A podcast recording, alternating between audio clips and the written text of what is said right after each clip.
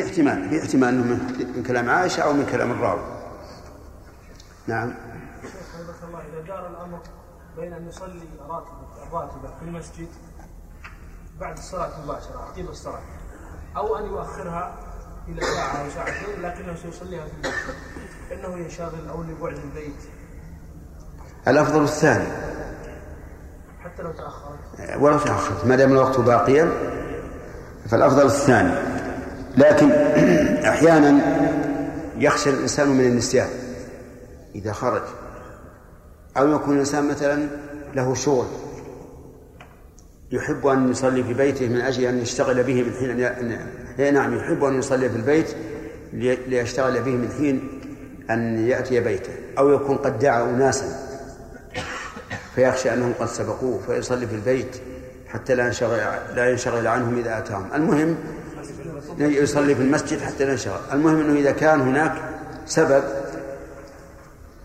فقد يقال إنه يعرض للمفضول ما يجعله أفضل من الفاضل.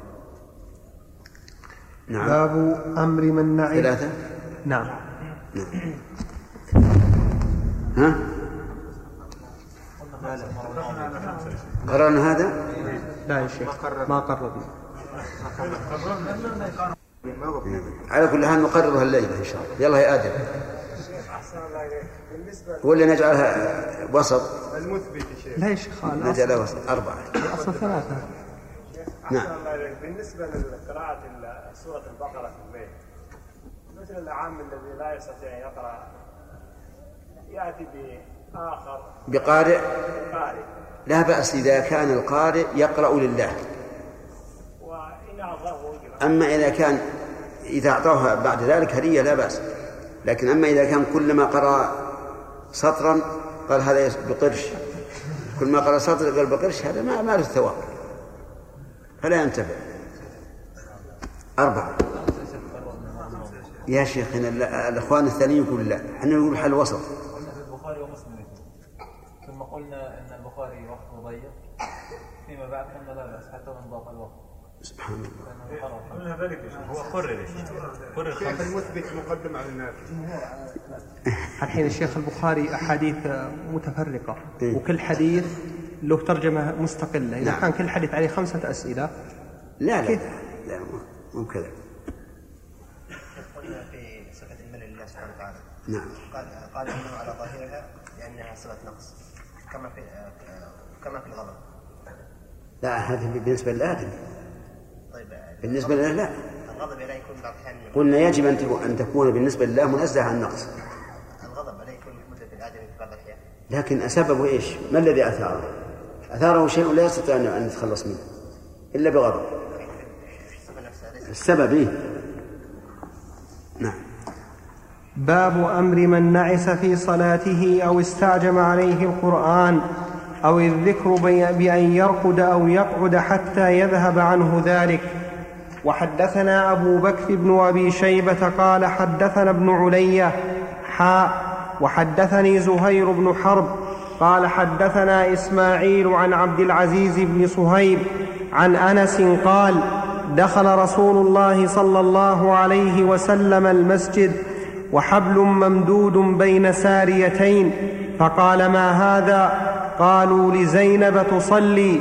فإذا كسلت أو فترت أمسكت به فقال حلوة ليصلي أحدكم نشاطه ليصلي أحدكم نشاطه فإذا كسل أو فتر قعد. وفي حديث زهير فليقعد.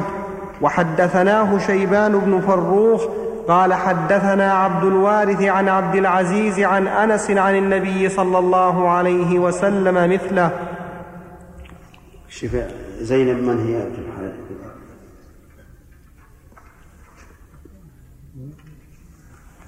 الشرح ها؟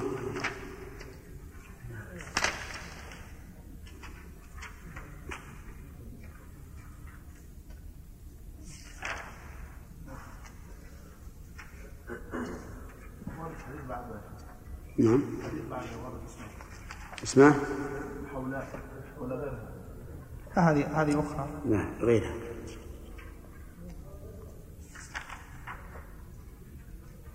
طيب على كل حال يحتمل أنها زينب زو- زوجة الرسول أو أنها زينب بنته الله أعلم. في هذا الحديث دليل على أنه لا لا ينبغي للإنسان إذا شرع في الصلاة وأصابه النوم أن يستمر بل يترك. ولهذا أمره الرسول ان يقعد قال فليقعد أي فليترك الصلاة. لأنه ربما يصلي وهو ناعس فيريد أن يثني على الله ولكنه يقول قولا غير ما يريد أو يريد أن يدعو لنفسه فيدعو على نفسه. لهذا إذا أتاك النوم فنم. لكن إذا قال قائل إذا بقي علي ركعة الوتر فقط وأتاني النوم فهل أقعد؟ في فينتهي وقت الوتر أم ماذا؟ نقول إذا أمكن أن تنشط نفسك برش الماء على وجهك أو ما أشبه ذلك وتصلي هذه الركعة الواحدة فهو أولى من أن أن تضيع عليك. وإلا فاقعد واقضها فيما بعد شفعا الله أكبر. بسم الله الرحمن الرحيم. الحمد لله رب العالمين وصلى الله وسلم على عبده ورسوله نبينا محمد وعلى آله وصحبه أجمعين. قال الإمام مسلم رحمه الله تعالى وحدثني حرملة بن يحيى ومحمد بن سالم ومحمد بن سلمة المرادي قال حدثنا ابن وهب عن يونس عن ابن شهاب قال أخبرني عروة بن الزبير أن عائشة زوج النبي صلى الله عليه وسلم أخبرته أن الحولاء بنت تويت بن حبيب بن أسد بن عبد العزى مرت مرت بها وعندها رسول الله صلى الله عليه وسلم. فقلت هذه الحولاء بنت تويت وزعموا أنها لا تنام الليل. فقال رسول الله صلى الله عليه وسلم لا تنام الليل خذوا من العمل ما تطيقون. فوالله لا يسأم الله حتى تسأموا. حدثنا أبو بكر بن أبي شيبة وأبو كريب قال حدثنا أبو أسامة عن هشام بن عروة حاء وحدثني زهير بن حرب واللفظ له.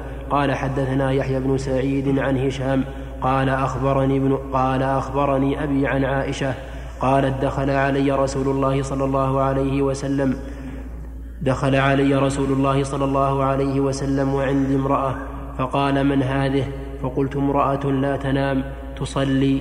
قال عليكم من العمل ما تطيقون فوالله لا يمل الله حتى تملوا وكان أحب الدين وكان أحب الدين إليه ما داوم عليه صاحبه. وفي حديث أبي أسامة أنها امرأة من بني أسد. حدثنا أبو بكر بن أبي هذان الحديثان كالحديث الذي سبق يعني في إضافة السآمة أو الملل إلى الله عز وجل وأن لنا في في تفسيره إيش؟ احت- احتمالان. أو احتمالين. الأول أن نجريه على ظاهره ونقول إن سآمة الله عز وجل أو ملله ليست كسآمتنا أو مللنا. يكون فيها الك- الكسل والخمول والفتور وما أشبه ذلك. كما نقول ذلك في الغضب. فإن غضب الرب عز وجل غضب يليق بجلاله. ولهذا لا لا ينتج عن غضبه أن يفعل ما لا تقتضيه الحكمة بخلاف غضب المخلوق. فإن غضب المخلوق ينتج منه كثيرا ما لا يوافق الحكمة حتى أن بعض الناس إذا غضب يطلق نساءه وي- ويعتق عبيده وربما يك- يكسر ما بين يديه من الأموال وربما يضرب أولاده وهذا شيء مشاهد. أما غضب الرب فهو غضب كمال. لا يمكن أن يحدث منه أو أن ينتج عنه ما لا ما ينافي الحكمة وكذلك يقال في السائم أو أن المعنى المعنى الثاني ما هو؟ يقطع العمل. المعنى؟ لا يقطع العمل. أن الله لا يمل وإن مل أن المعنى أن نعم. لا يمل ما دام ما دام أي نعم. آه هو على كل حال هذا الحديث فيه عدة احتمالات. أوصلناها مرة في بحثنا إلى ستة احتمالات. لكن أسلم ما يكون أن نقول إن السآمة هنا إن كان الحديث يدل على ثبوتها فهي سآمة تليق بالله وملل يليق بالله ليس كمللنا أو سآمنا. هذا أسلم يكون. هذا إن, إن كان الحديث يدل على ذلك. لأن قوله لا يمل حتى تملوا معناه نفى ملله حتى نمل ثم إذا ملل هل يمل أو لا؟ هذا محل احتمال.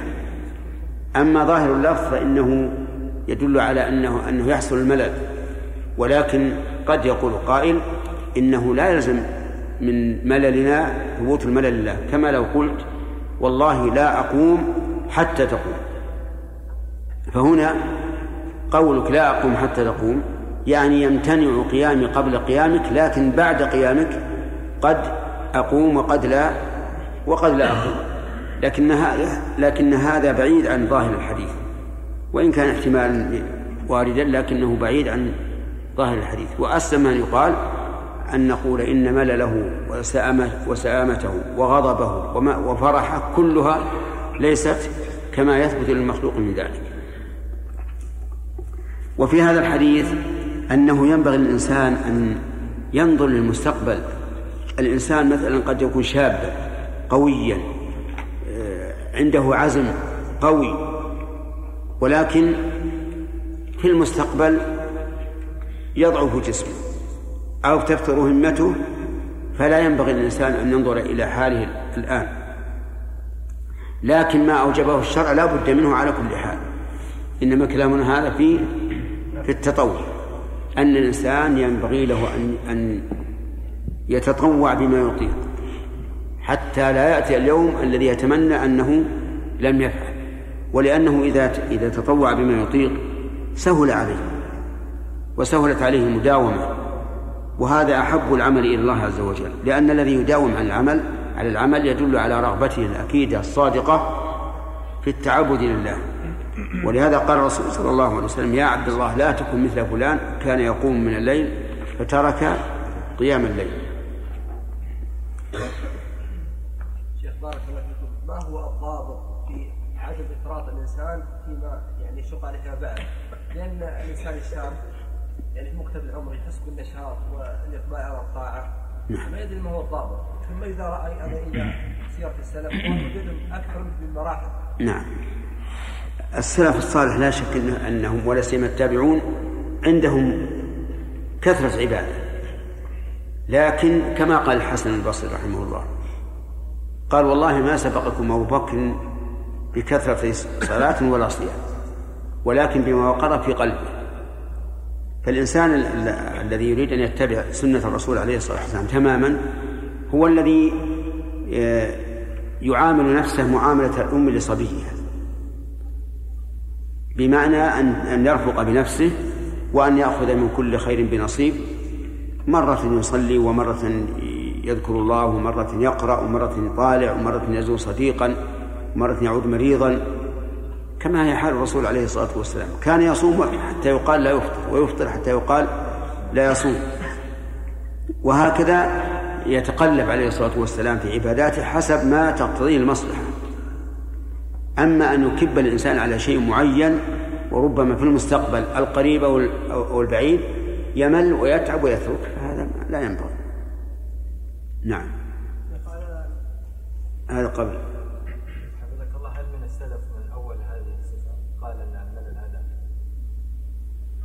ما أعرف من السلف لكن من من الخلف من أوله. وقال هذا من باب المقابلة. وليس حقيقة في في حق الله لكنه من من باب المقابلة كقوله فمن اعتدى عليكم فاعتدوا عليه بمثل ما اعتدى عليكم مع أن الأخذ بالثأر لا يسمى عدوانا. لكن الأسلم هو أن أن يقول هذه صفة وصفها وصف النبي صلى الله عليه وسلم بها ربه فنحن نثبتها لله كما أثبتها الرسول لكن إن دل الحديث عليها. الحديث فيه احتمال الوارد الذي قلت لكم لكنه خلاف الظاهر. نعم. ثلاثة. اثنين. نعم. لو قالت السيدة طالب العلم ضيق وفتور يا شيخ هل يعمل بهذه الأشياء اللي كان يعملها الرسول صلى الله عليه وسلم؟ إي نعم نعم. إذا أحسست من نفسك بفتور في عمل ما وهو ليس من من الواجبات، الواجبات لا بد من القيام بها. فلا بأس أن تعدل عنه إلى إلى عمل مفضول حتى تمرن نفسك على أن تتقبل جميع العبادات. نعم. حدثنا أبو بكر بن أبي شيبة قال حدثنا عبد الله بن نمير حاء وحدثنا ابن نمير قال حدثنا أبي حاء وحدثنا أبو كريب قال حدثنا أبو سامة جميعا عن هشام بن, عن هشام بن عروة. حاء وحدثنا قتيبة بن سعيد واللفظ له. عن مالك بن أنس عن هشام بن عروة عن أبيه عن عائشة. عن عائشة أن النبي صلى الله عليه وسلم قال إذا نعس أحدكم في الصلاة فليرقد حتى يذهب عنه النوم فإن أحدكم إذا صلى وهو ناعس لعله يذهب يستغفر فيسب فيسب نفسه. وحدثنا محمد بن رافع قال حدثنا عبد الرزاق قال حدثنا معمر عن همام بن عن همام بن منبه قال هذا ما حدثنا أبو هريرة عن محمد رسول الله صلى الله عليه وسلم فذكر أحاديث منها وقال رسول الله صلى الله عليه وسلم إذا قام أحدكم من الليل فاستعجم القرآن على لسانه فلم يدر ما يقول فليضطجع. هذا أيضا من تربية النفس. أن الإنسان إذا كان يصلي ورأى من نفسه النوم فإنه ينبغي له أن يرقد حتى لا يتعب نفسه وحتى لا يستعجم القرآن على لسانه فيتكلم بالقرآن بما ليس منه وحتى لا يذهب يستغفر لنفسه فيسب نفسه بدل ما يقول اللهم اغفر لي اللهم اغفر لي يقول لنفسه اللهم العنه العنه مثلا. لأنه ما يعرف نائم. والحديث يذهب يستغفر فيسب نفسه فيها حركتان الفتح على أنها جواب لعل والثاني الرفع على أن الفاء استئنافية أو عاطفة على يستغفر. أما يستغفر فإنها في الرفع لا غير لأنها خبر لأنها حال من فاعل يذهب يستغفر. يذهب يستغفر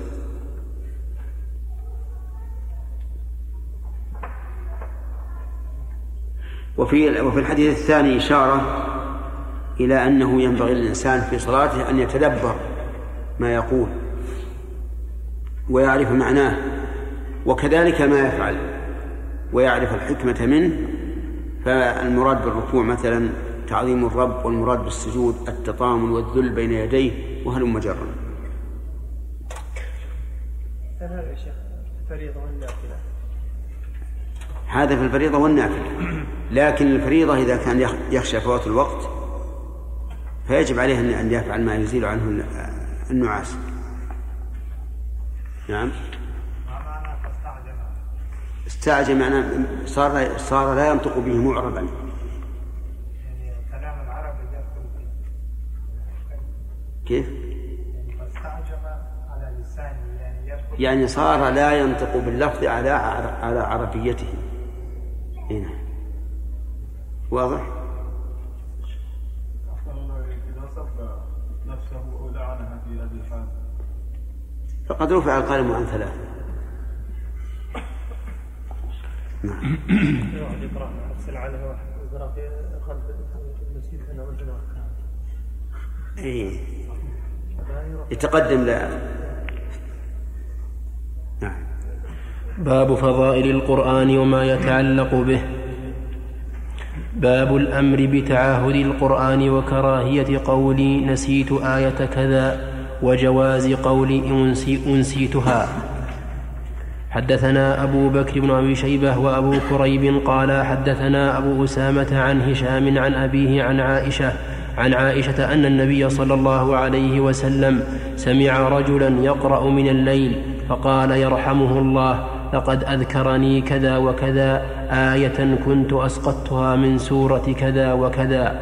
وحدثنا ابن, وحدثنا ابن نمير قال حدثنا عبدة وأبو معاوية عن هشام عن أبيه عن عائشة قالت كان النبي صلى الله عليه وسلم يستمع قراءة رجل في المسجد فقال رحمه الله لقد أذكرني آية كنت أنسيتها حدثنا يحيى بن يحيى قال قرأت نعم. على هذا هذا هذان الحديثان وكلاهما عن عائشة لكن اختلاف الألفاظ من الرواة لا شك الرسول أن النبي صلى الله عليه وسلم سمع رجلا يقرأ من الليل. وأين كان هذا الرجل؟ كان في المسجد. فجعل النبي صلى الله عليه وسلم يستمع إلى قراءته. فقال رحمه الله أو يرحمه الله لقد أذكرني آية كنت أنسيتها. نعم. لقد ذكرني آية يعني ذكرني بها. كنت أنسيتها. اللفظ الأول ذكرني كذا وكذا أذكرني كذا وكذا آية كنت نسيتها من سورة كذا وكذا. فيها أسقطته نعم. اللفظ الأول أسقطته في هذا الحديث فوائد. أولا جواز استماع الفاضل إلى المفضول. جواز استماع الفاضل إلى المفضول في القراءة لأن النبي صلى الله عليه وسلم استمع إلى قراءة هذا الرجل. ولقد قال مرة لابن مسعود اقرأ علي فقال يا رسول الله أقرأ القرآن عليك وعليك أنزل. قال نعم إني أحب أن أسمعه من فقرأ عليه من سورة النساء. حتى إذا بلغ قوله تعالى فكيف إذا جئنا من كل أمة بشهيد وجئنا بك على هؤلاء شهيدا. فقال النبي صلى الله عليه وسلم حسبه قال فنظرت فإذا عيناه تذرفان. لأن هذا مشهد عظيم. يؤتى من كل أمة بشهيد ويؤتى بمحمد صلى الله عليه وسلم شهيدا على هذه الأمة. وفي هذا الحديث أيضا دليل على الدعاء لمن ذكرك بما نسيت. لأن النبي صلى الله عليه وعلى آله وسلم دعا له. وهكذا يقال في كل من أحسن إليك أن تدعو له. سواء يسمع كان يسمع أو لا يسمع. ومن فوائد هذا هذا الحديث جواز النسيان على رسول الله صلى الله عليه وعلى آله وسلم. جواز النسيان على رسول الله صلى الله عليه وسلم لأن الله أنساه هذه الآية.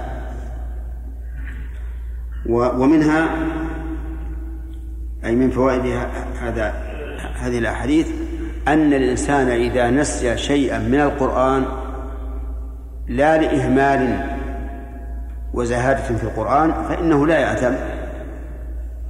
على أن الحديث الوارد في الوعيد على من نسي شيئا من القرآن حفظه في في صحته نظر. لكن إن صح فإنه يحمل على ما إذا كان الإنسان نسي شيئا من القرآن تهاونا وتغافلا وما أشبه ذلك. ومن فوائد هذا هذا الحديث جواز جهل المنفرد بالقراءة. هذا إن كان الرجل يصلي. أما إذا كان لا يصلي فليس فهذه الفائدة لا ترد أو لا تؤخذ من هذا الحديث. نعم. وفيها أيضا دليل على أن الإنسان فيما فيما يتعلق بالقرآن إذا نسي شيئا منه لا يقول نسيت. بل يقول أنسيت. ومعلوم أن الذي أنساه هو الله عز وجل. نعم. هل يستفاد من هذا الحديث التصنت المصلحة لا ما يستفاد منه. يستفاد من القرآن النهي عن النهي عن التصنت ولا تجسس. لا تستمع إلى القارئ لا بأس. ما ما يقال هذا التصنت المفهوم من التصنت هو التجسس. هذا اللي إحنا نعم. شيخ بارك الله فيك. هل يسن القيام بالقراءة بالقراءة مجردا؟ يعني بدون بدون صلاة؟ إي نعم لا بأس. يعني يجلس الآن يقرأ القرآن؟ يجلس يقرأ القرآن؟ لا بأس. قيام الليل قيام الليل وشلون يقوم؟ يعني هل يسن فعل ذلك يا رب؟ إيه، ماذا يقول؟ ماذا يقول؟ يقرأ قرآن فقط مجرد لا بأس ما في مانع. نعم. هل نسيان النبي صلى الله عليه وسلم بعد نزول القرآن كاملا هل؟ نسيان النبي صلى الله عليه وسلم كان بعد نزول القرآن كاملا أن تعرف أن القرآن آخر ما نزل على ما يقال نزل عليه بعرفة. اليوم أكملت لكم دينكم وأتممت عليكم نعمتي ورضيت لكم الإسلام دينا. وبعضهم يقول نزل عليه بعد, بعد ذلك آه، سورة النصر والعلماء مختلفون في آخر ما نزل. لكن لا يختلف الحكم سواء كان نسيانه إياها قبل أن ينتهي الوحي أو قبل أو بعد. نعم. حد أي. طيب. أجل نشوف واجد الأخ شيخ بارك الله فيك الجهر بالقران بالنسبة للناس الصلاه فقط ولا قراءه القران مجرد عن الصلاه؟ لا حتى حتى إذا كان إذا كان تقرأه بدون صلاة ورأيت نفسك أنك يعني تنعس واستعجل منك القرآن فنم. حتى في طلب العلم أيضا. لو كان إنسان يراجع وجاه النوم نقول اترك المراجعة. نم. نعم. أربعة. حتى في أيام الاختبارات. حدثنا يحيى بن يحيى قال قرأت على مالك عن نافع عن عبد الله بن عمر أن رسول الله صلى الله عليه وسلم قال إنما مثل صاحب القرآن كم- كمثل كمثل الإبل المعقلة إن عاهد عليها أمسكها وإن أطلقها ذهبت. حدثنا زهير بن حرب ومحمد بن المثنى وعبيد الله بن وعبيد الله بن سعيد قالوا حدثنا يحيى وهو القطان. حاء وحدثنا أبو بكر بن أبي شيبة قال حدثنا أبو خالد الأحمر حاء وحدثنا ابن نمير قال حدثنا أبي كلهم عن عبيد الله حاء وحدثنا وحدثنا ابن أبي عمر قال حدثنا عبد الرزاق قال أخبرنا معمر عن أيوب حاء وحدثنا وحدثنا قتيبة بن سعيد قال حدثنا يعقوب يعني ابن عبد الرحمن حاء وحدثنا محمد بن وحدثنا محمد بن إسحاق المسيبي. قال حدثنا أنس يعني ابن عياض جميعا عن موسى بن عقبة كل هؤلاء عن نافع عن ابن عمر عن النبي صلى الله عليه وسلم بمعنى حديث مالك. وزاد في حديث موسى بن عقبة وإذا قام صاحب وإذا قام صاحب القرآن فقرأه بالليل والنهار ذكره وإذا لم يقم به نسيه وحدثنا زهير بن حرب وعثمان بن أبي شيبة وإسحاق بن إبراهيم. قال إسحاق أخبرنا وقال الآخران حدثنا جرير عن منصور عن أبي وائل. عن عبد الله قال قال رسول الله صلى الله عليه وسلم بئس ما لأحدهم يقول نسيت آية كيت وكيت بل هو نسي. استذكروا القرآن فلهو أشد تفصيا من صدور الرجال من النعم بعقولها. حدثنا ابن حدثنا ابن نمير قال حدثنا أبي وحدثنا أبي وأبو معاوية حاء وحدثنا يحيى بن يحيى واللفظ له. قال أخبرنا أبو معاوية عن الأعمش عن شقيق قال قال عبد الله تعاهدوا هذه المصاحف. وربما قال القرآن فلهو أشد تفصيا من صدور الرجال من النعم من عقوله. قال وقال رسول الله صلى الله عليه وسلم لا يقل أحدكم نسيت آية كيت وكيت بل هو نسي.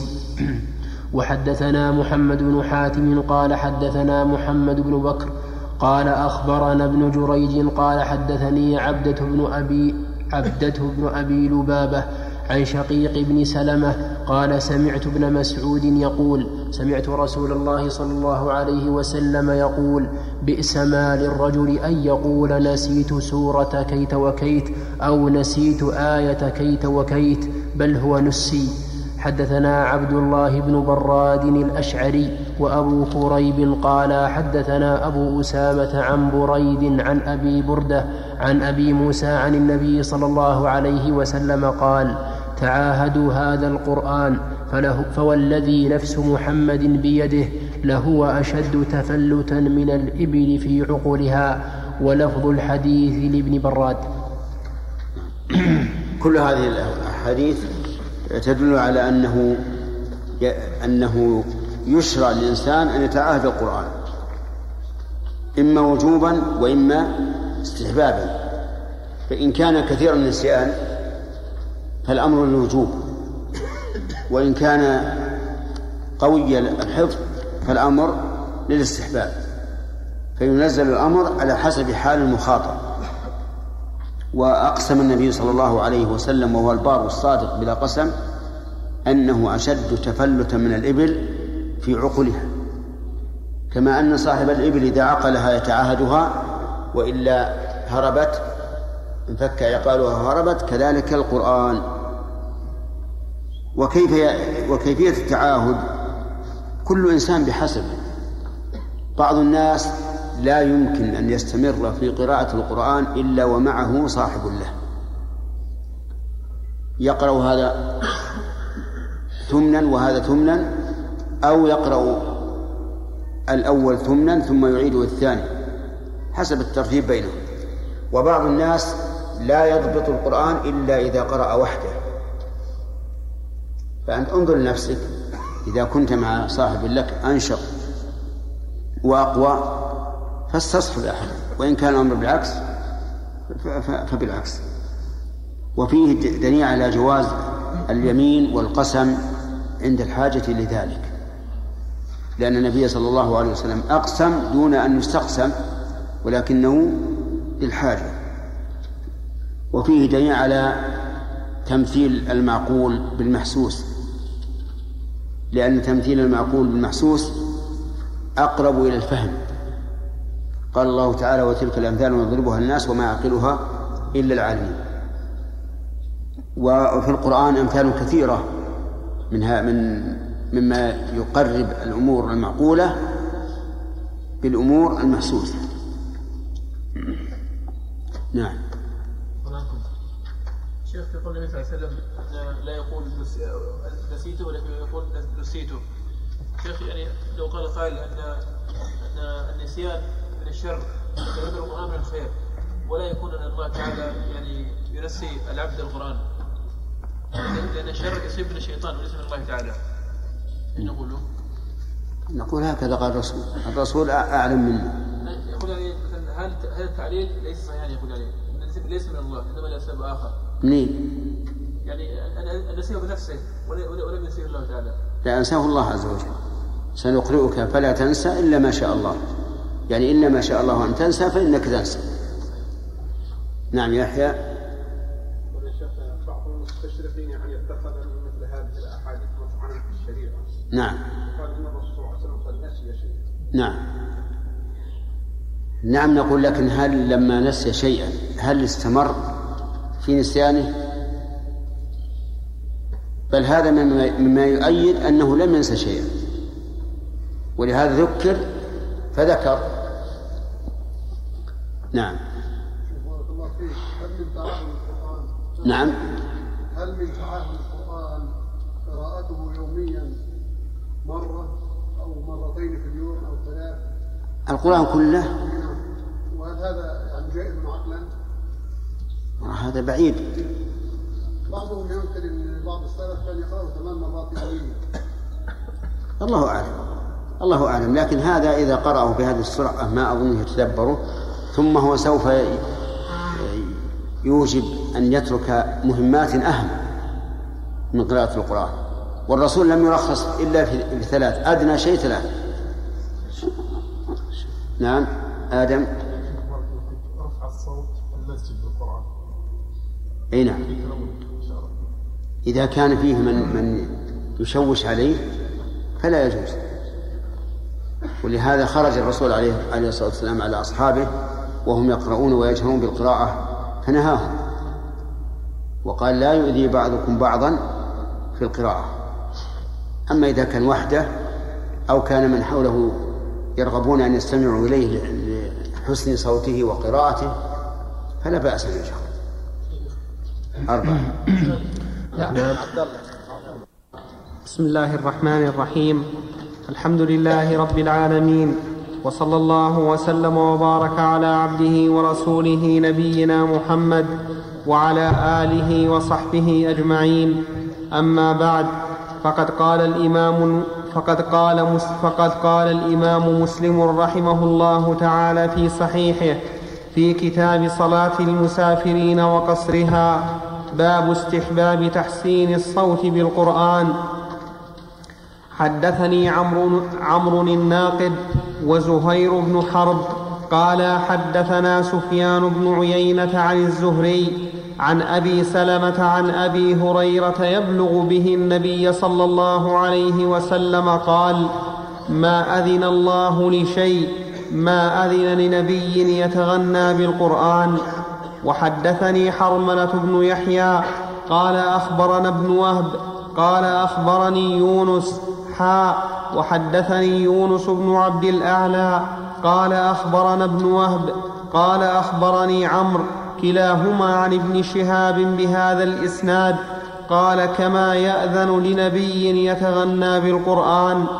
حدثني بشر بن الحكم قال حدثنا عبد العزيز بن محمد قال حدثنا يزيد وهو ابن الهاد عن محمد بن إبراهيم عن أبي سلمة عن أبي هريرة أنه سمع رسول الله صلى الله عليه وسلم يقول ما أذن الله لشيء ما أذن لنبي حسن الصوت يتغنى بالقرآن يجهر به وحدثني ابن اخ ابن وحدثني ابن اخ ابن وهب قال حدثني عمي عبد الله بن وهب قال أخبرني عمرو بن مالك وحيوة بن شريح عن ابن الهاد بهذا الإسناد مثله سواء وقال إن رسول الله صلى الله عليه وسلم ولم يقل سمع وحدثنا الحكم بن موسى قال حدثنا هقل عن الأوزاعي عن يحيى بن أبي كثير عن أبي سلمة عن أبي هريرة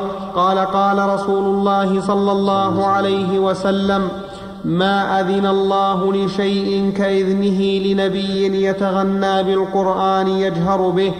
وحدثنا يحيى بن أيوب وقتيبة بن سعيد وابن حجر قالوا حدثنا إسماعيل وهو ابن جعفر عن محمد بن عمرو عن أبي سلمة عن أبي هريرة عن النبي صلى الله عليه وسلم مثل حديث يحيى بن أبي كثير غير أن ابن أيوب قال في روايته كإذنه حدثنا أبو بكر بن أبي شيبة قال حدثنا عبد الله بن نمير حاء وحدثنا ابن نمير قال حدثنا أبي قال حدثنا مالك وهو ابن مغول عن عبد الله بن بريدة عن أبيه قال قال رسول الله صلى الله عليه وسلم إن عبد الله بن قيس أو الأشعري أعطي مزمارا من مزامير آل داود وحدثنا داود بن رشيد قال حدثنا يحيى بن سعيد قال حدثنا طلحة عن أبي بردة عن أبي موسى قال قال رسول الله صلى الله عليه وسلم لأبي موسى لو رأيتني وأنا أستمع لقراءتك البارحة لقد أوتيت مزمارا من مزامير آل داود. هذا هذه الاحاديث عن أبي هريرة رضي الله عنه هذا حديث واحد بألفاظ مختلفة تبين أن الله تعالى يحب أن يستمع إلى نبي يتغنى بالقرآن يجهر به. وكلمة القرآن يحتمل أنها علم على على ما نزل على محمد صلى الله عليه وعلى آله وسلم ويحتمل أنها مصدر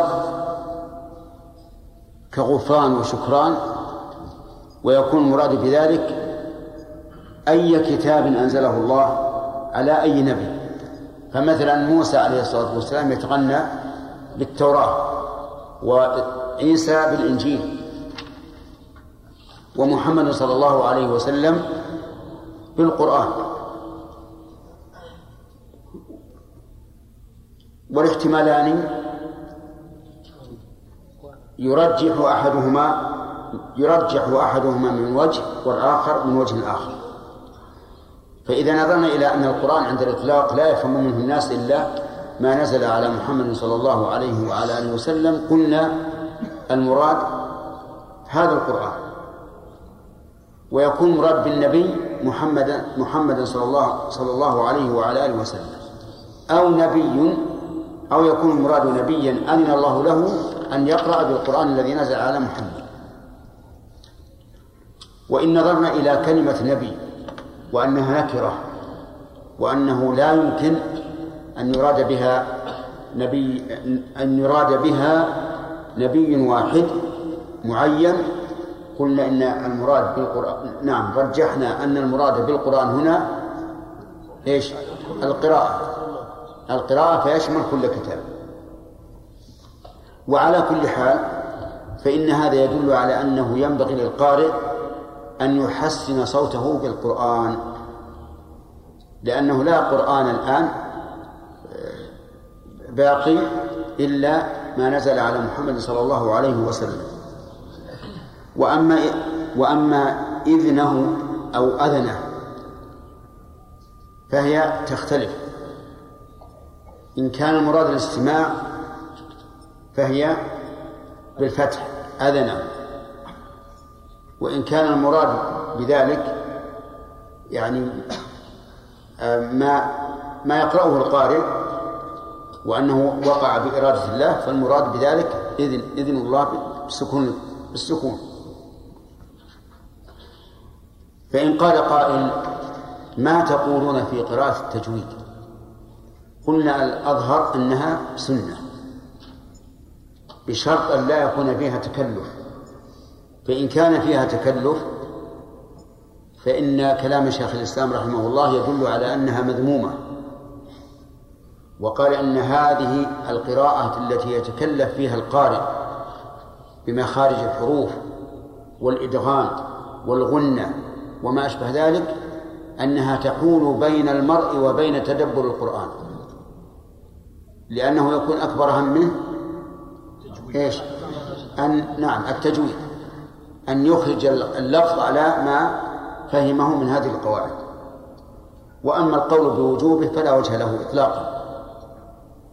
لأنه إذا كان القرآن نزل على سبعة أحرف أول ما نزل وكان كل قبيلة تقرأه حسب لهجتها وقد وسع للأمة فيه بدون حرج ولما استتب حرف قريش وصارت الأمة كلها منضوية تحت الخلافة الإسلامية التي كان خلفاؤها من قريش وصار الحرف السائد هو حرف قريش. ورأى الصحابة رضي الله عنهم أن من المصلحة أن يوحد الحرف على حرف قريش. صار على حرف قريش. وإلا فكان الناس بالأول كل يقرأه على لهجته لئلا يكلف الناس ما لا يشق. ولهذا جاء في الحديث أن النبي صلى الله عليه وسلم كان ينازل جبريل لما قال تقرأوا على حرف. قال أو حرفين حتى وصل إلى سبعة أحرف. فكيف نقول للناس الآن يجب عليكم أن تقرأوا بالتجويد بهذا الحرف مع مشقته؟ ولو أننا قلنا بهذا لأثمنا كثير كل الأمة. أكثر الأمة الآن لا تقرأ القرآن بالتجويد المعروف. هل نقول هي آثمة؟ لا أحد يقول بهذا. وهو وإن قال به أحد فقد كلف الناس ما لا ما لا يطيقون. فالصواب أن التجويد تحسين لله فقط وأنه سنة. من أجابه وحصل منه ذلك بدون تكلف فهو خير ومن تكلفه وصده ذلك عن تدبر القرآن فإنه لا ينبغي. اقرأه على حسب طبيعتك بشرط أن لا تلحن أو أن ترفع منصوبا أو تجر مرفوعا أو ما أشبه ذلك. نعم. نعم يا زكي. ما وجه استدلالهم الذين يوجبون التجويد؟ نعم. لقوله تعالى ورتل القرآن ترتيلا ويقول الأمر الوجوب هذا أولا نقول من قال إن الأمر الوجوب؟ ليس كل أمر صار الوجوب. الشيء الثاني معنى الترتيل معنى الترتيل قراءته على مهل. يعني لا تهده هدا وليس المراد أن أن تجعل حروفه كما كما هو معروف. ثم نقول أيضا أتظنون الآن أن القراءة الموجودة الآن بالتجويد هي القراءة التي كان يقرأها الرسول وأصحابه؟ هو هذا هو الأصل لا شك لأنها منقولة بالرواية. لكن نظرا إلى أننا نجد أن القراء أنفسهم الآن يختلفون في الإجادة والأداء. أفلا يمكن أن يكون الناس اختلفوا من ذلك الوقت؟ يمكن. ونحن والذي نتيقنه الآن ما بين أيدينا من الحركات والسكون. هو اللي نعرف أما ما زاد على ذلك فإنه من التحسين بلا شك. نعم. ناصر. الشيخ يقول النووي رحمه الله يقول لا يجوز أن تحمل هنا يعني قوله الإذن على الاستماع بمعنى الإصرار نعم. فإنه يستحيل على الله تعالى يعني بل هو مجاز ومعناه الكناية عن تقريبه القارئ. معنى إيش؟ الكناية عن تقريبه القارئ وإجزاء الفوائد لأنه سماع لأن سماع الله تعالى لا يختلف ووجب التأويل. نعم. لا هذا غلط. هذا غلط من النووي رحمه الله. بل نقول هو هو استماع والله تعالى كما أنه يسمع كل شيء بلا شك وينظر كل شيء. فمن الناس من لا ينظر إليهم ولا يزكيهم ولهم عذاب أليم. فالاستماع نوعان. خاص وعام. ولذلك جاء قلنا إن في هذا الحث على أن الإنسان يحسن صوته بالقرآن لأن الله تعالى يستمع إليه استماعا خاصا. وليس وليس الاستماع العام. وأما الإذن بالسكون فقد عرفتم أن المراد بذلك إيش؟ السماع. تقريبا. يعني أذن بذلك أي آه، رضيه و وأمر به. نعم. بارك الله فيك. ما قصده في الحديث يعني مزامير مزمار بيجينا ما ما وصلنا. نعم. عندما ذكرت القرآن على أنه هو المراد هنا نعم. ونبي يكون غير الرسول صلى الله عليه وسلم نعم. أنه قد تلاه من قبل. ما اتضحت يعني؟ إيش؟ أنه تلاه من قبل. من؟ نبي. ما لا قلنا المراد إما أن يكون المراد بالقرآن المصدر. وهذا يقتضي أن كل نبي يتلو كتابه. نعم. أو المراد بالقرآن آه، ما نزل على محمد عليه الصلاة والسلام ويكون المراد بهذه النكرة المطلقة آه، نبيا معينا وهو محمد صلى الله عليه وسلم. فقط. ما في نبي آخر؟ ما في نبي آخر. أحسن الله إليك. نعم. باب ذكر آه قراءة نعم بقينا في حديث أبي موسى الأشعري. فيها في حديث أبي موسى الأشعري دليل على جواء على استماع الأفضل للمفضول لأن النبي صلى الله عليه وسلم استمع إلى قراءته. وقد قال لعبد الله بن مسعود- اقرأ. فأمره أن يقرأ ليستمع إليه. وقال إني أحب أن أسمع القرآن من غيري. وفي أيضا دليل على حسن صوت أبي موسى الأشعري. لأنه أعجب النبي صلى الله عليه وعلى آله وسلم وقال إنه أوتي مزمارا من مزامير آل داود. وليس المراد بالمزمار هنا مزمار له وإنما المراد بذلك أص- الأصوات الأصوات الجميلة لأن داود عليه الصلاة والسلام كان يتغنى بالزبور. ول- ول- ولحسن صوته وجرسه صار كأنه مزمار. وأما المزامير مزامير له فهي مزامير شياطين ليس لا يحمل عليها كلام النبي صلى الله عليه وعلى آله وسلم. نعم. باب ذكر قراءة النبي صلى الله عليه وسلم سورة الفتح يوم فتح مكة. حدثنا أبو بكر بن أبي شيبة قال حدثنا عبد الله بن إدريس ووكيع عن شعبة عن معاوية بن قرة قال سمعت عبد الله بن مغفل ابن مغفل ابن مغفل المزني. لماذا نصبتها؟ آه، نعم. خطأ. قال سمعت عبد الله بن مغفل قال سمعت عبد الله بن مغفل من المغفلين المزني. اصبر جزاك الله خير. قال سمعت عبد الله بن مغفل مغفلين المزني. مغفل؟ اي نعم بالكسر. قال سمعت عبد الله بن مغفل المزني.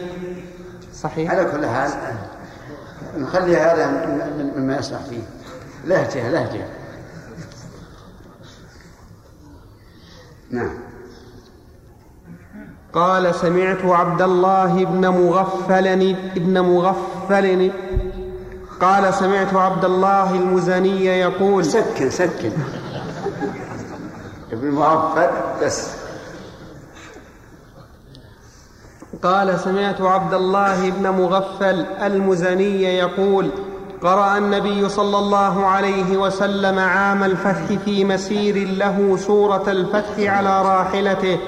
فرجع في قراءته قال معاوية لولا أني أخاف أن يجتمع علي الناس لحكيت لكم قراءته.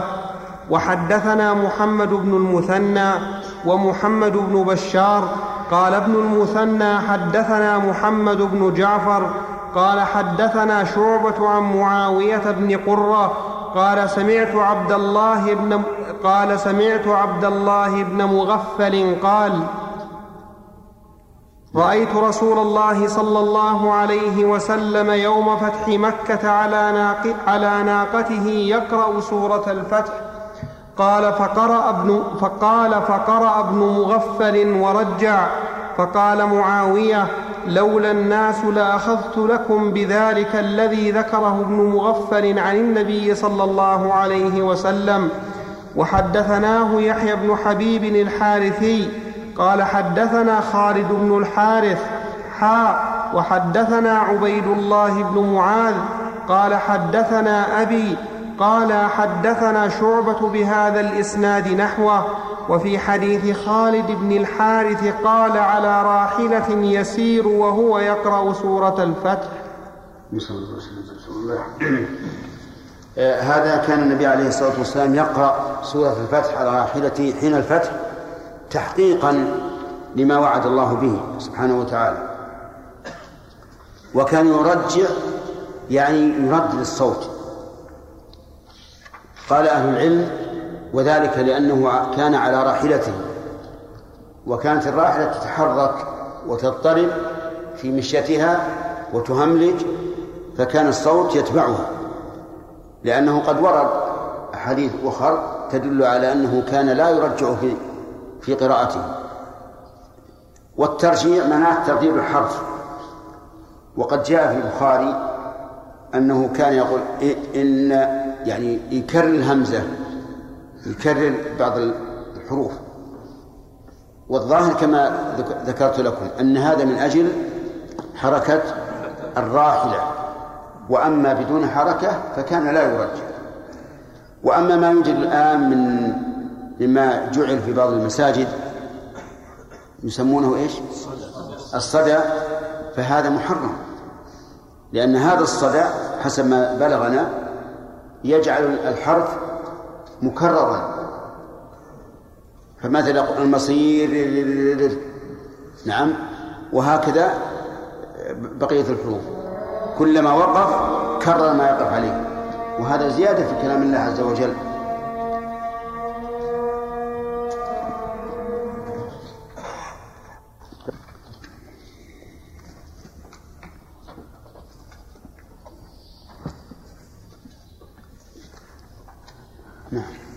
بسم الله الرحمن الرحيم. الحمد لله رب العالمين. وصلى الله وسلم وبارك على عبده ورسوله نبينا محمد وعلى آله وصحبه أجمعين. أما بعد فقد قال الإمام مسلم رحمه الله تعالى في صحيحه في كتاب صلاة المسافرين وقصرها باب نزول السكينة لقراءة القرآن. وحدثنا يحيى بن يحيى. يقولون أن التراجم ليست من صنيع مسلم رحمه الله لكنها من بعض تلامذته وبالأخص النووي رحمه الله فإنه كان يضع التراجم. نعم نعم. وحدثنا يحيى بن يحيى قال أخبرنا أبو خيثمة عن أبي إسحاق عن البراء قال كان رجل يقرأ سورة الكهف وعنده فرس مربوط بشطنين فتغشته سحابة فجعلت تدور وتدنو وجعل فرسه ينفر منها فلما أصبح آتى النبي صلى الله عليه وسلم فذكر ذلك له فقال تلك السكينة تنزلت للقرآن وحدثنا ابن المثنى وابن بشار واللفظ لابن, لابن المثنى قال حدثنا محمد بن جعفر قال حدثنا شعبة عن أبي إسحاق قال سمعت البراء يقول قرأ رجل, قرأ رجل الكهف وفي الدار دابة فجعلت تنفر فنظر فإذا ضبابة أو سحابة قد غشيت قال فذكر ذلك للنبي صلى الله عليه وسلم فقال اقرأ فلان فإنها السكينة تنزلت عند القرآن أو تنزلت للقرآن. وحدثنا ابن المثنى قال حدثنا عبد الرحمن بن مهدي وأبو داود قال حدثنا شعبة عن أبي إسحاق قال سمعت البراء يقول فذكرا نحوه غير أنهما قالا تنقز. وحدثني حسن بن علي الحلواني وحجاج بن الشاعر وتقاربا في اللفظ. قال حدثنا يعقوب بن إبراهيم. قال حدثنا أبي. قال حدثنا يزيد بن الهاد أن عبد الله بن خباب حدثه أن أبا سعيد الخدري حدثه أن أسيد بن حضير بينما هو ليلة يقرأ في مربده إذ جالت فرسه فقرأ ثم جالت أخرى فقرأ ثم جالت أيضا قال أسيد فخشيت أن تطأ يحيى فقمت إليها فإذا مثل الظلة فإذا مثل الظلة فوق رأسي فيها أمثال السرج عرجت في الجو حتى ما أراها. قال فغدوت على رسول الله صلى الله عليه وسلم فقلت يا رسول الله بينما أنا البارحة من جوف الليل أقرأ في مربدي إذ جالت فرسي فقال رسول, فقال رسول الله صلى الله عليه وسلم اقرأ ابن حضير قال فقرأت. ثم جالت أيضا. فقال رسول الله صلى الله عليه وسلم اقرأ ابن حضير قال فقرأت. ثم جالت أيضا. فقال رسول الله صلى الله عليه وسلم اقرأ ابن حضير قال فانصرفت. وكان يحيى قريبا منها خشيت أن تطأه فرأيت مثل الظلة فيها أمثال السرج عرجت في الجو حتى ما أراها. فقال رسول الله صلى الله عليه وسلم تلك الملائكة كانت تستمع لك ولو قرأت لأصبحت يراها الناس ما تستتر منهم. الله أكبر. في هذا على فضيلة القرآن وأن السكينة تنزل عند قراءته والسكينة نوعان سكينة القلب وهذا أمر معنوي ينزله الله تعالى على قلب القارئ ولا سيما إذا قرأ بتدبر وخشوع وحضور قلب وتصور لما يقرأ. مثلا إذا قرأ عن اليوم الآخر تصور هذا المشهد العظيم. وأن الناس يخرجون من الأجداث كأنهم جراد منتشر وأن الجبال تكون وأنهم يكونون كالفراش المبثوث وتكون الجبال كالأهل المنفوش فيتصور هذا المشهد العظيم. وأن الإنسان يبعث عاريا الرجال والنساء وأنه يفر المرء من أخيه وأمه وأبيه إلى آخر ما ذكر الله. فإنه لا شك أن السكينة تنزل في قلب الطمأنينة. وسكينة أخرى الله أعلم بها. هذه الظلة التي حصلت في قارئ القرآن هي سكينة وسكينة ثالثة أيضا لكنها من جنس الثانية وهي الملائكة. تنزل تستمع قراءة القارئ. وهذه لا شك أنها كرامة لأن لأن الظاهر والله أعلم أنها لا تنزل عند كل أحد قراءة كل أحد لكنها قد يكرم الله بها من شاء من خلقه. فأسيد بن حضير رضي الله عنه رأى هذا الأمر العجب. المتدلي من السماء فيها كأمثال السرج وجالت الفرس ثلاث مرات حتى خشي على ابنه يحيى. وكان في المربد والمربد موضع تشميس التمر في الفلايح حتى خشى أن أن تطأ ابنه. فالحاصل أن السكينة تنزل على القلب. أما نعم.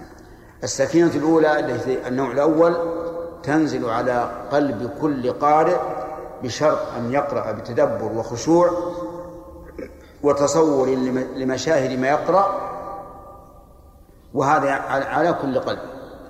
والثانية السكينة الأخرى المنفصلة هذه كرامة لبعض الناس يكرم الله بها من يشاء. قد يقال في هذا في هذا الحديث في الحديث الأول فضل قراءة سورة الكهف. وقد يقال إن هذا جرى اتفاقا أن هذا الرجل كان يقرأ بهذه السورة ولا يعني ذلك أنها أفضل من غيرها.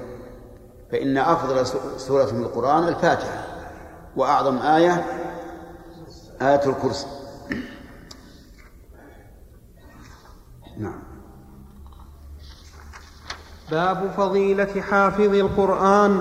حدثنا قتيبة بن سعيد وأبو كامل الجحدري كلاهما عن أبي عوانة. قال قتيبة حدثنا أبو عوانة عن قتادة عن أنس عن أبي موسى نعم الأشعري في أيضا في الحديث دليل على أن الحيوان أن الحيوان قد يشعر بأشياء لا يدركها البشر فإن الفرس قد جالت وفي اللفظ الأول نفرت وكذلك هي تسمع الموتى يعذبون في قبورهم أحيانا حتى أن النبي صلى الله عليه وسلم مر بقبور اليهود فجاءت فرسه فرسه حتى كانت تسقطه من هول ما سمعت. وهذا محجوب عن بني آدم من أجل أن يتحقق لهم الإيمان بالغيب. نعم.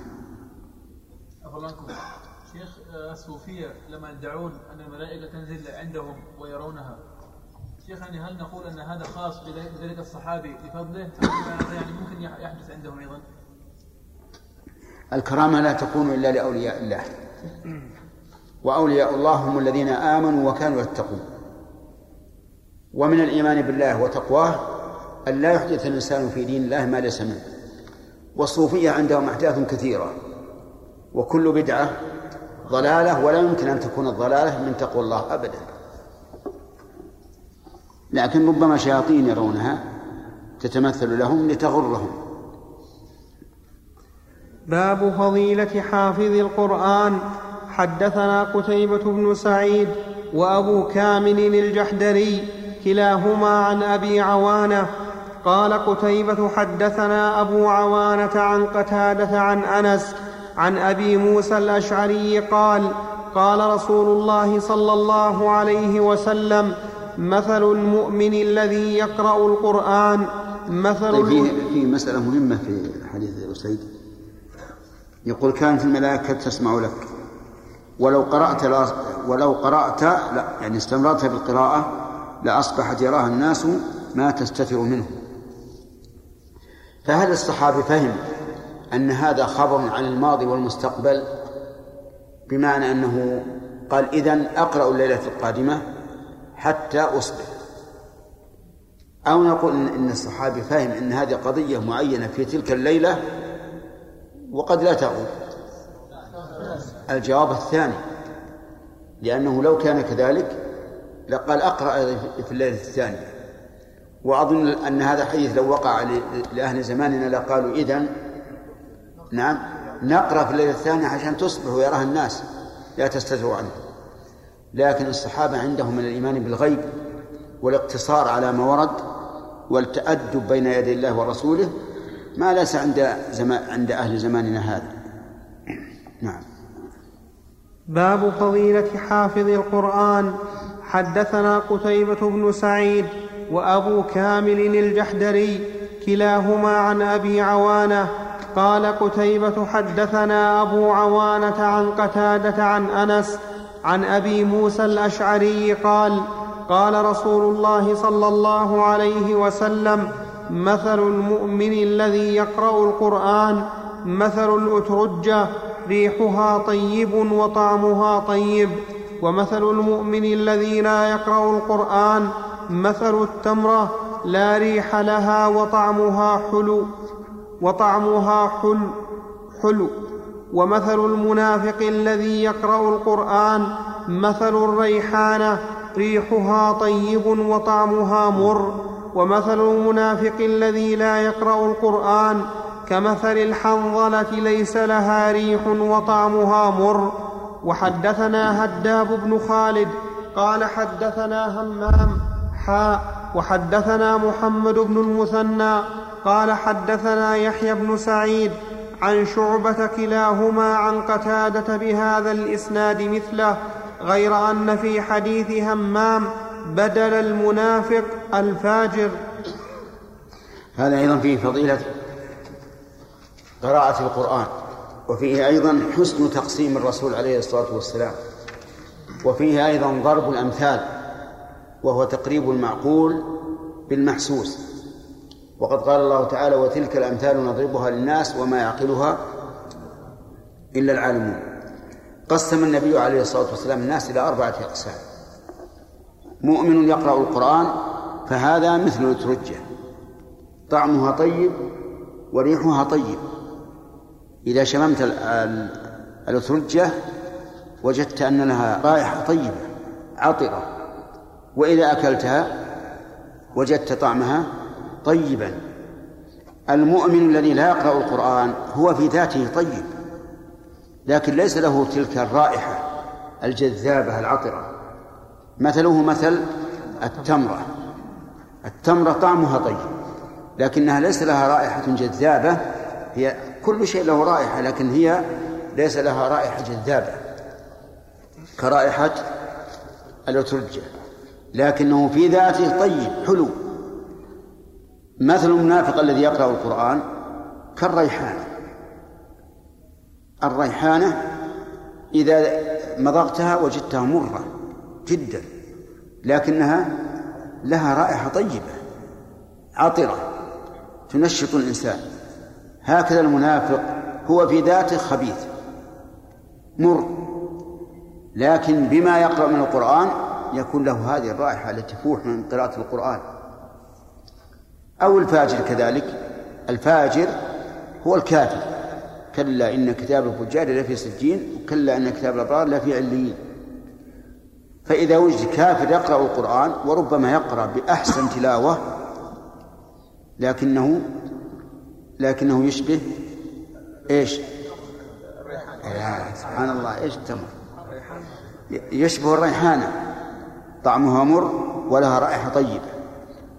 مثل المنافق الذي أو الفاجر الذي لا يقرأ القرآن كمثل الحنظلة. الحنظلة طعمها مر وليس لها رائحة يعني ليس رائحة ذكية عطرة وإلا فهي لها رائحة رائحة مرة لكنه ليس لها رائحة عطرة. والحنظلة معروفة عندكم يا هداية الله؟ معروفة. نعم. عند الجميع. الحنظلة نعم. إيش؟ الأترج ترنج. ترنج اللي موجود في هكذا. لا ما هو مر. ما استوى يمكن اللي اكلت انت يمكن أكلت شيء ما استوى ولا هو طيب. طعمها طيب جدا. نعم؟ نعم. وأما الحنظلة فهي مرة جدا. ومن خواصها أن الإنسان إذا كان معه إمساك ثم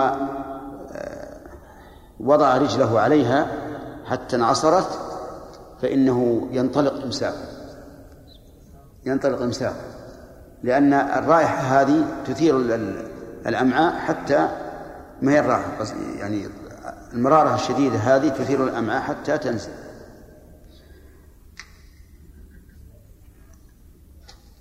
وفي هذا دليل على فضيلة قراءة القرآن إذا كان من المؤمن وأن القرآن له فضل وإن كان من غير المؤمن لكن إذا كان من غير المؤمن فإنه يكون طعمه مرا.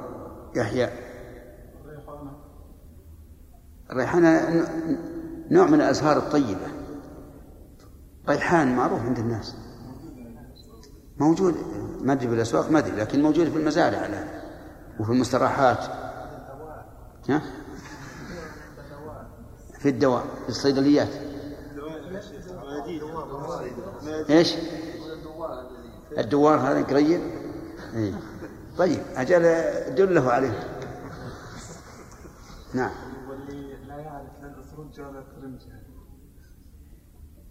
الأترج هو الترج الترج هو الترنج الت- الاترج هو الترنج لكن بس اللغة آه، يعني اختلفت فقط. لهجة. ما هو موجود في السوق؟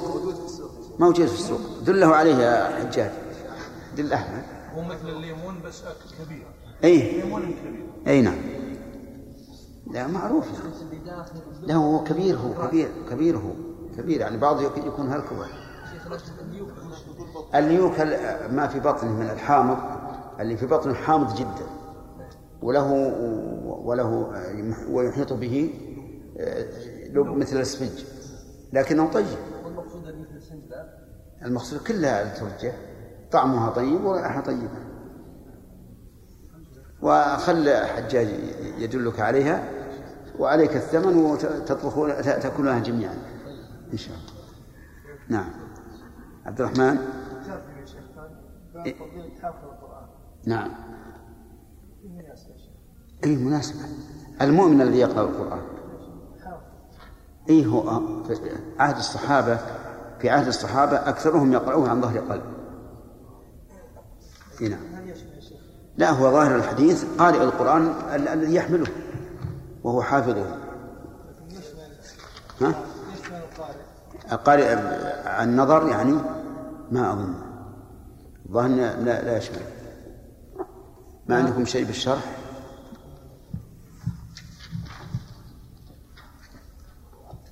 قال باب فضيلة حافظ القرآن.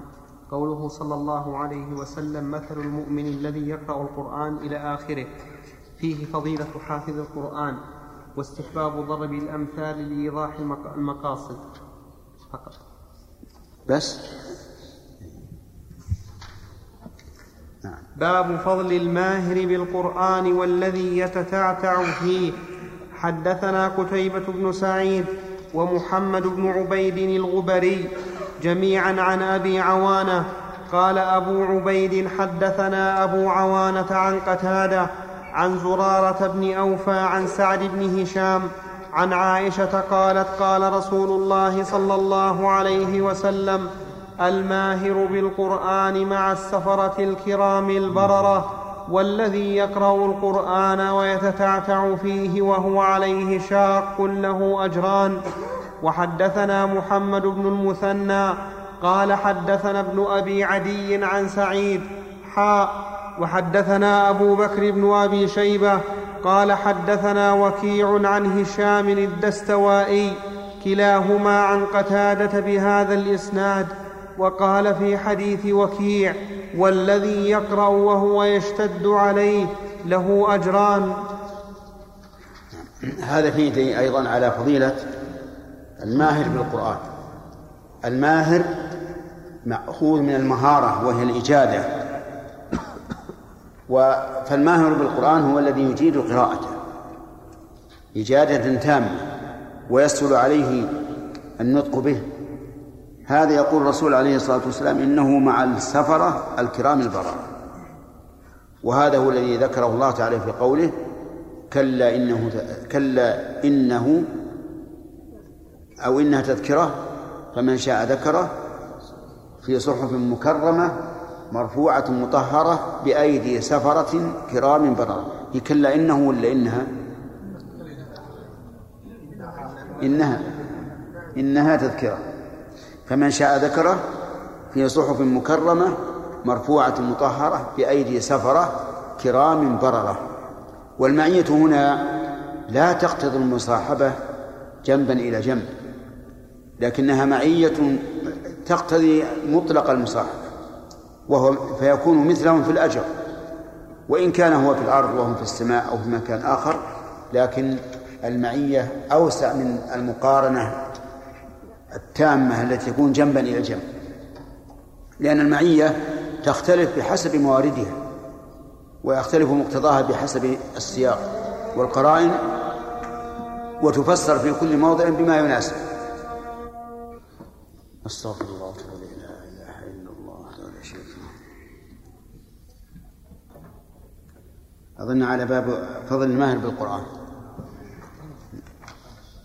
ما كما شاء الله. سم بالله. من أين الشيخ؟ من باب فضل الماهر بالقرآن. بسم الله الرحمن الرحيم. الحمد لله رب العالمين. وصلى الله وسلم وبارك على عبده ورسوله نبينا محمد وعلى آله وصحبه أجمعين. أما بعد فقد قال الإمام مسلم رحمه الله تعالى في صحيحه في, كتاب صلاة المسافرين وقصرها باب فضل الماهر بالقرآن والذي يتتعتع فيه. حدثنا قتيبة بن سعيد ومحمد ومحمد بن عبيد الغبري جميعا عن أبي عوانة. قال ابن عبيد حدثنا أبو عوانة عن قتادة عن زرارة بن أوفى عن سعد بن هشام عن عائشة قالت قال رسول الله صلى الله عليه وسلم الماهر بالقرآن مع السفرة الكرام البررة. والذي يقرأ القرآن ويتتعتع فيه وهو عليه شاق له أجران. وحدثنا محمد بن المثنى قال حدثنا ابن أبي عدي عن سعيد حاء وحدثنا أبو بكر بن أبي شيبة قال حدثنا وكيع عن هشام الدستوائي كلاهما عن قتادة بهذا الإسناد. وقال في حديث وكيع والذي يقرأ وهو يشتد عليه له أجران. بسم الله الرحمن الرحيم. هذا فيه باب فضل القرآن لمن أتقنه ومهر فيه وأنه مع السفرة الكرام البرره وهم المذكورون في قوله تعالى بأيدي سفرة كرام برره والمراد بهم الملائكة.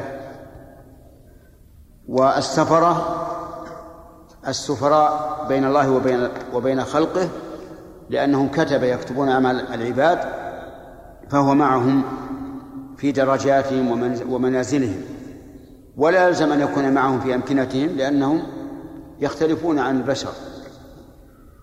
وقوله الذي يتتعتع فيه يعني يشق عليه ويردد. يتتعتع يعني يردد الكلمة مرة بعد أخرى حتى يقيمها. فهو ليس ماهرا. هذا إذا كان عليه إذا كان ذلك شاقا عليه له أجران. ويشمل قوله يتتعتع فيه الفأف والتمتام يعني الذي فيه علة ومرض لا يستطيع أن ينطق بالحرف بسهولة فإن هذا لا شك أنه يشق عليه القرآن فله أجران. الأجر الأول أجر المعاناة من التلاوة والأجر الثاني أجر التلاوة لكن أجر التلاوة دون أجر الماهر في القرآن الماهر بالقرآن لأن هذا الذي يتتعتع في القرآن ولا سيما إذا كان عن نقص علم إنما يريد الوصول إلى الغاية التي هي الحذق والمهارة في القرآن. ولا يمكن أن تكون الوسيلة فوق أجر الغاية. ودل هذا الحديث على أن كل إنسان يريد إكمال العبادة مع المشقة فإن له أجرا زائدا على من يفعلها بدون أن أن تشق عليه. لكنه ليس دليلا على أنه ينبغي للإنسان أن أن يتقصد المشقة. لأن النبي صلى الله عليه وسلم نهى المرأة التي نذرت أن تحج ماشية إلى بيت الله وقال لتمشي ولتركب فالله عز وجل لا يريد منا أن نعمل الأعمال الشاقة يريد منا أن نعمل كل ما تيسر لكن إذا كان لا لا لا يتأتى فعل العبادة إلا بمشقة صار ذلك زيادة في الأجر. فمثلا لو أن الإنسان عنده ماء بارد في أيام الشتاء وعنده ماء ساخن فهل الأفضل أن يتوضأ من الماء البارد أو من الماء الساخن؟ الساخن أفضل. لكن لو لم يكن عنده ماء ساخن وتكلف الوضوء بالماء البارد كان هذا له أجر عظيم. أجر الوضوء وأجر المعاناة والمشقة. نعم. محمد. بعض الناس فلا يقيمه بل قد يخرج فيه كلمات بما يفيد المعنى فهل مثل هذا يا شيخ يوجب عليه أن يتعلم لم يتعلم يؤثم. نعم. إذا كان يقرأ القرآن على وجه يختل به المعنى. كان واجبا عليه أن أن أن يقيمه. فإن لم فإن لم يفعل كان آثما بترك الواجب عليه. فنقول إما تتعلم أو اترك لا تقرأ. لا ما هو إما يتعلم ولا يقول لازم أن تتعلم. لا سيما في الفاتحة. مما ليس بواجب. نعم. نعم نقول إما أن تقرأ سليما وتتعلم أو تتهجى القرآن كلمة كلمة. يعني يجوز أن يتهجى كلمة كلمة مثل يقول أعو أعو أعوذ. ما في مانع. حتى يقيمه وإما أن تتركه نعم. أما يتعارض يا شيخ؟ قلنا أن الذي عنده ماء بارد وماء ساخن في شتاء فالأفضل له أن يعني يتوضأ بالساخن نعم. أما يتعارض هذا مع قول النبي صلى الله عليه وسلم تناعدوا واخشوشنوا فإن الناس لا لا. لا لا, لا, لا, لا. هذا في الأعمال غير العبادة. يعني لا ينبغي للإنسان أن يتلف نفسه ولهذا كان ينهى عن كثرة الإتفاه ويأمر بالإحتفاء أحيانا. أما العبادة فكل ما تيسرت فهو أحسن وأفضل. طيب رجل يعني يريد أن يؤدب نفسه ويربي نفسه. أليس الرسول قد قطع حبل زينب لما جعلت زينب تعتمد عليه في القيام؟ نعم. شيخ أحسن الله عليك الذي يبلغ هذه المرتبة آه، من مهارته بالقرآن هو الذي يحسن قراءة القرآن وهو ماهر به حتى ولو نظرا أم يشترط فيها أن يكون مستظهرا له؟ وكذا الذي يقرأ ويتتعتع فيه هل التتعتع في حفظه أم في مجرد التلاوة؟ ظاهر الحديث العموم. ظاهر الحديث الحديث العموم. وإن كان في الغالب في عهد الرسول عليه الصلاة والسلام أن الناس يحفظون ما يحفظون من القرآن عن ظهر قلب. نعم. أربعة. باقي واحد. ثلاثة. نعم أحسن الله إليك هل يدخل في في عدم إقامة القرآن حق إقامته من ينطقون الثاء ساء سينا كيف؟ من ينطق الثاء سينا الألف لا هذا ألفظ. ما لا يكلف الله نفسا إلا وسعها. وليس ها. وإنما يعني لأن لهجته هكذا. هل يجوز له أن يقرأ به في الصلاة وأن يقرأ القرآن يجب عليه أن يع- أن يعدل لهجته ولا نقول في قراءتنا نحن فانظر سيف سهل هل يجوز هذا؟ هذه لهجتنا. ولا يجوز أن نقول هذا. يقول يحتجون بأن هذا يعني ولفوا عليه ولو ألفوا عليه هذا هذا كلام الله. بلسان عربي مبين. تبطل صلاتهم يا شيخ. إذا إذا نعم. إذا غير المعنى تبطل الصلاة. عندي بالحاشية يقول الكامل الحفظ. الماهر بالقرآن هو الحاذق الكامل الحفظ. الذي لا يتوقف فيه ولا يشق عليه.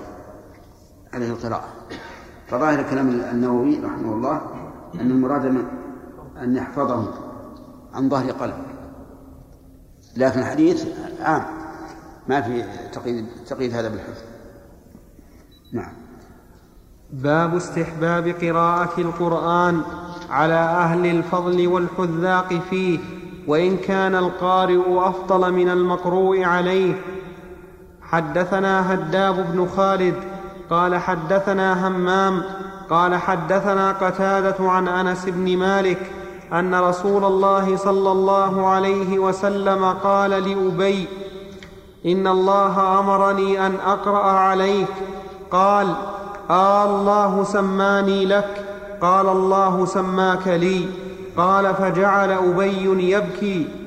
حدثنا محمد بن المثنى وابن بشار قال حدثنا محمد بن جعفر قال حدثنا شعبة قال سمعت قتادة قال سمعت قتادة يحدث عن أنس قال قال رسول الله صلى الله عليه وسلم لأبي بن كعب إن الله أمرني أن أقرأ عليك لم يكن الذين كفروا قال وسماني لك قال نعم قال فبكى حدثنا يحيى بن حبيب الحارثي قال حدثنا خالد يعني ابن الحارث قال حدثنا شعبة عن قتادة قال سمعت انسا يقول قال رسول الله صلى الله عليه وسلم لأبي بمثله.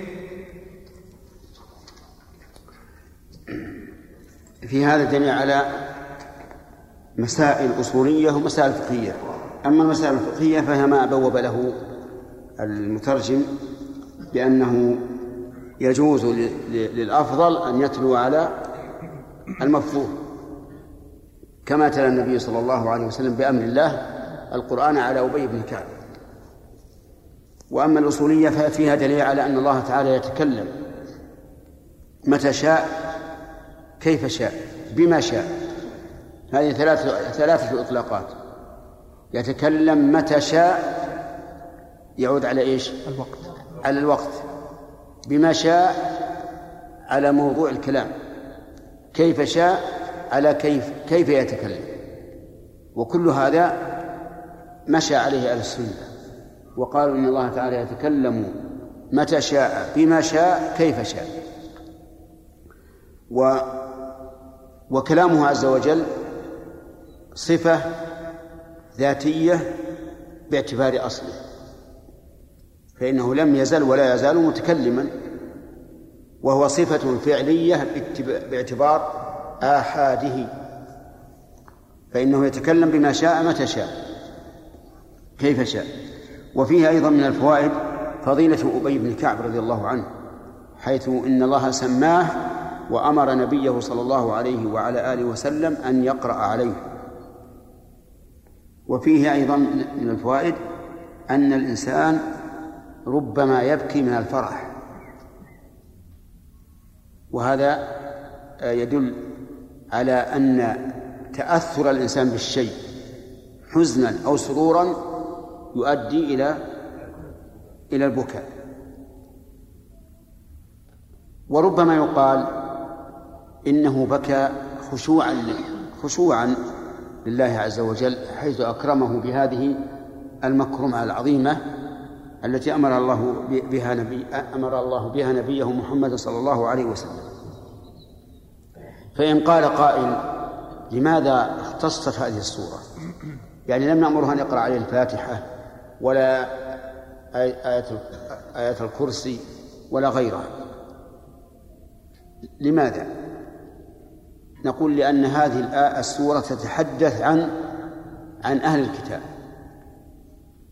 تحدث عن أهل الكتاب فناسب أن أن يسمعها أبي ليكون مقررا لما جاء فيها. وفي هذه السورة يقول الله عز وجل إن الذين كفروا من أهل الكتاب والمشركين في نار جهنم. كيف نجعل معنى من في قوله من أهل الكتاب؟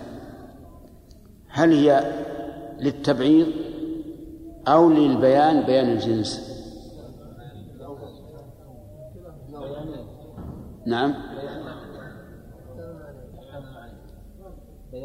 إذا قلنا إن الذين كفروا من أهل الكتاب إن من بيانية صار المعنى أن أهل الكتاب كلهم كفار وهذا لا شك فيه بعد بعثة الرسول عليه الصلاة والسلام إذا لم يؤمنوا به. وإذا قلنا أنها عامة الكتاب الذين قبل الرسول والذين في وقته صارت هنا للتبعيد لأن من كان مؤمنا من أهل الكتاب فليس في نار جهنم. أما قول والمشركين فهذه معطوفة على الذين كفروا. مهب على أهل؟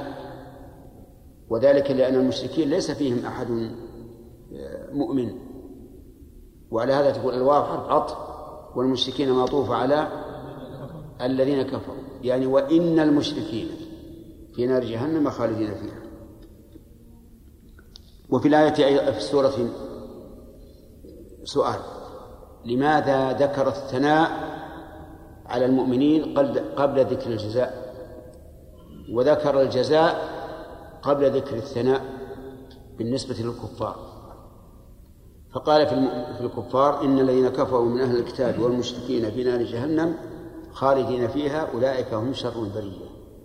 وقال في المؤمنين إن الذين آمنوا وعملوا الصالحات أولئك هم خير البرية جزاؤهم عند ربهم جنات عدن فيقال والله أعلم أن هذا له فائدتان الفائدة الأولى لفظية وهي طول ذكر الجزاء طول ذكر الجزاء في في المؤمنين فناسب أن يكون آخر الكلام لئلا يفصل بينه وبين ذكر المرتبة بفاصل طويل.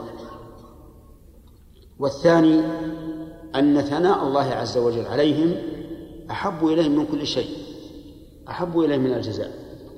ولهذا كان النظر إلى وجه الله عز وجل في الجنة جعلنا الله وإياكم ممن ينظرون إليه أعلى نعيم أهل الجنة.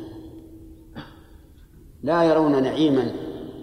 أنعم لقلوبهم وأسر من النظر إلى وجه الله عز وجل.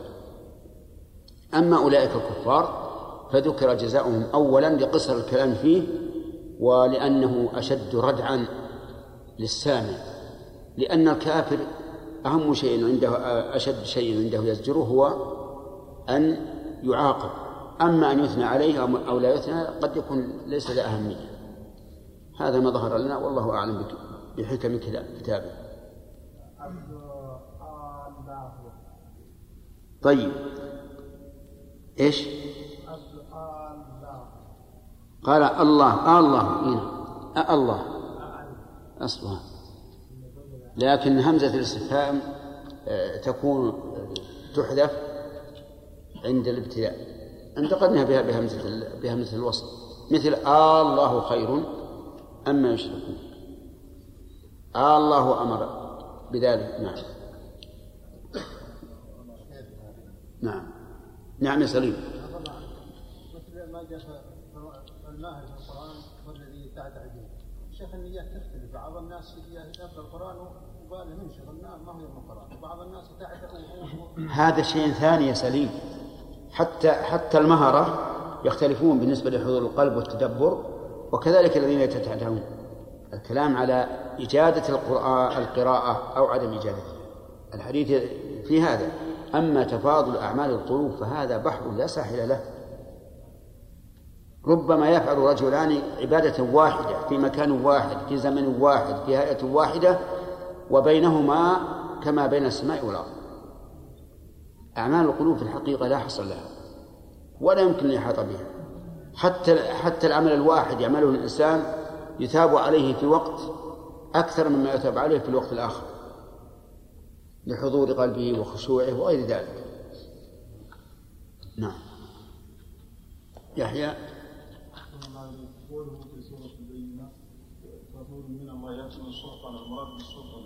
أي نعم. القرآن. القرآن صحف لأنه سور وآيات. المراد بالرسول يعني نعم محمد عليه الصلاة والسلام. ثلاثة؟ طيب. اقرأ ما ما في سؤال.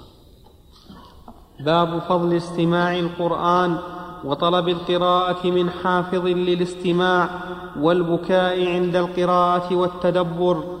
وحدثنا أبو بكر بن أبي شيبة وأبو كريب جميعا عن حفص قال أبو بكر حدثنا حفص بن غياث عن الأعمش عن إبراهيم عن عبيدة عن عبد الله قال قال لي رسول الله صلى الله عليه وسلم اقرأ, اقرأ علي القرآن قال فقلت يا رسول الله أقرأ عليك وعليك أنزل قال إني أشتهي أن أسمعه من غيري فقرأت النساء حتى إذا بلغت فكيف إذا جئنا من كل أمة بشهيد وجئنا بك على هؤلاء شهيدا.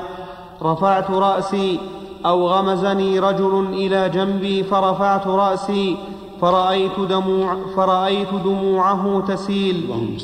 حدثنا هناد بن السري ومن جاب بن الحارث التميمي جميعا علي عن علي بن مسهر عن الأعمش بهذا الإسناد.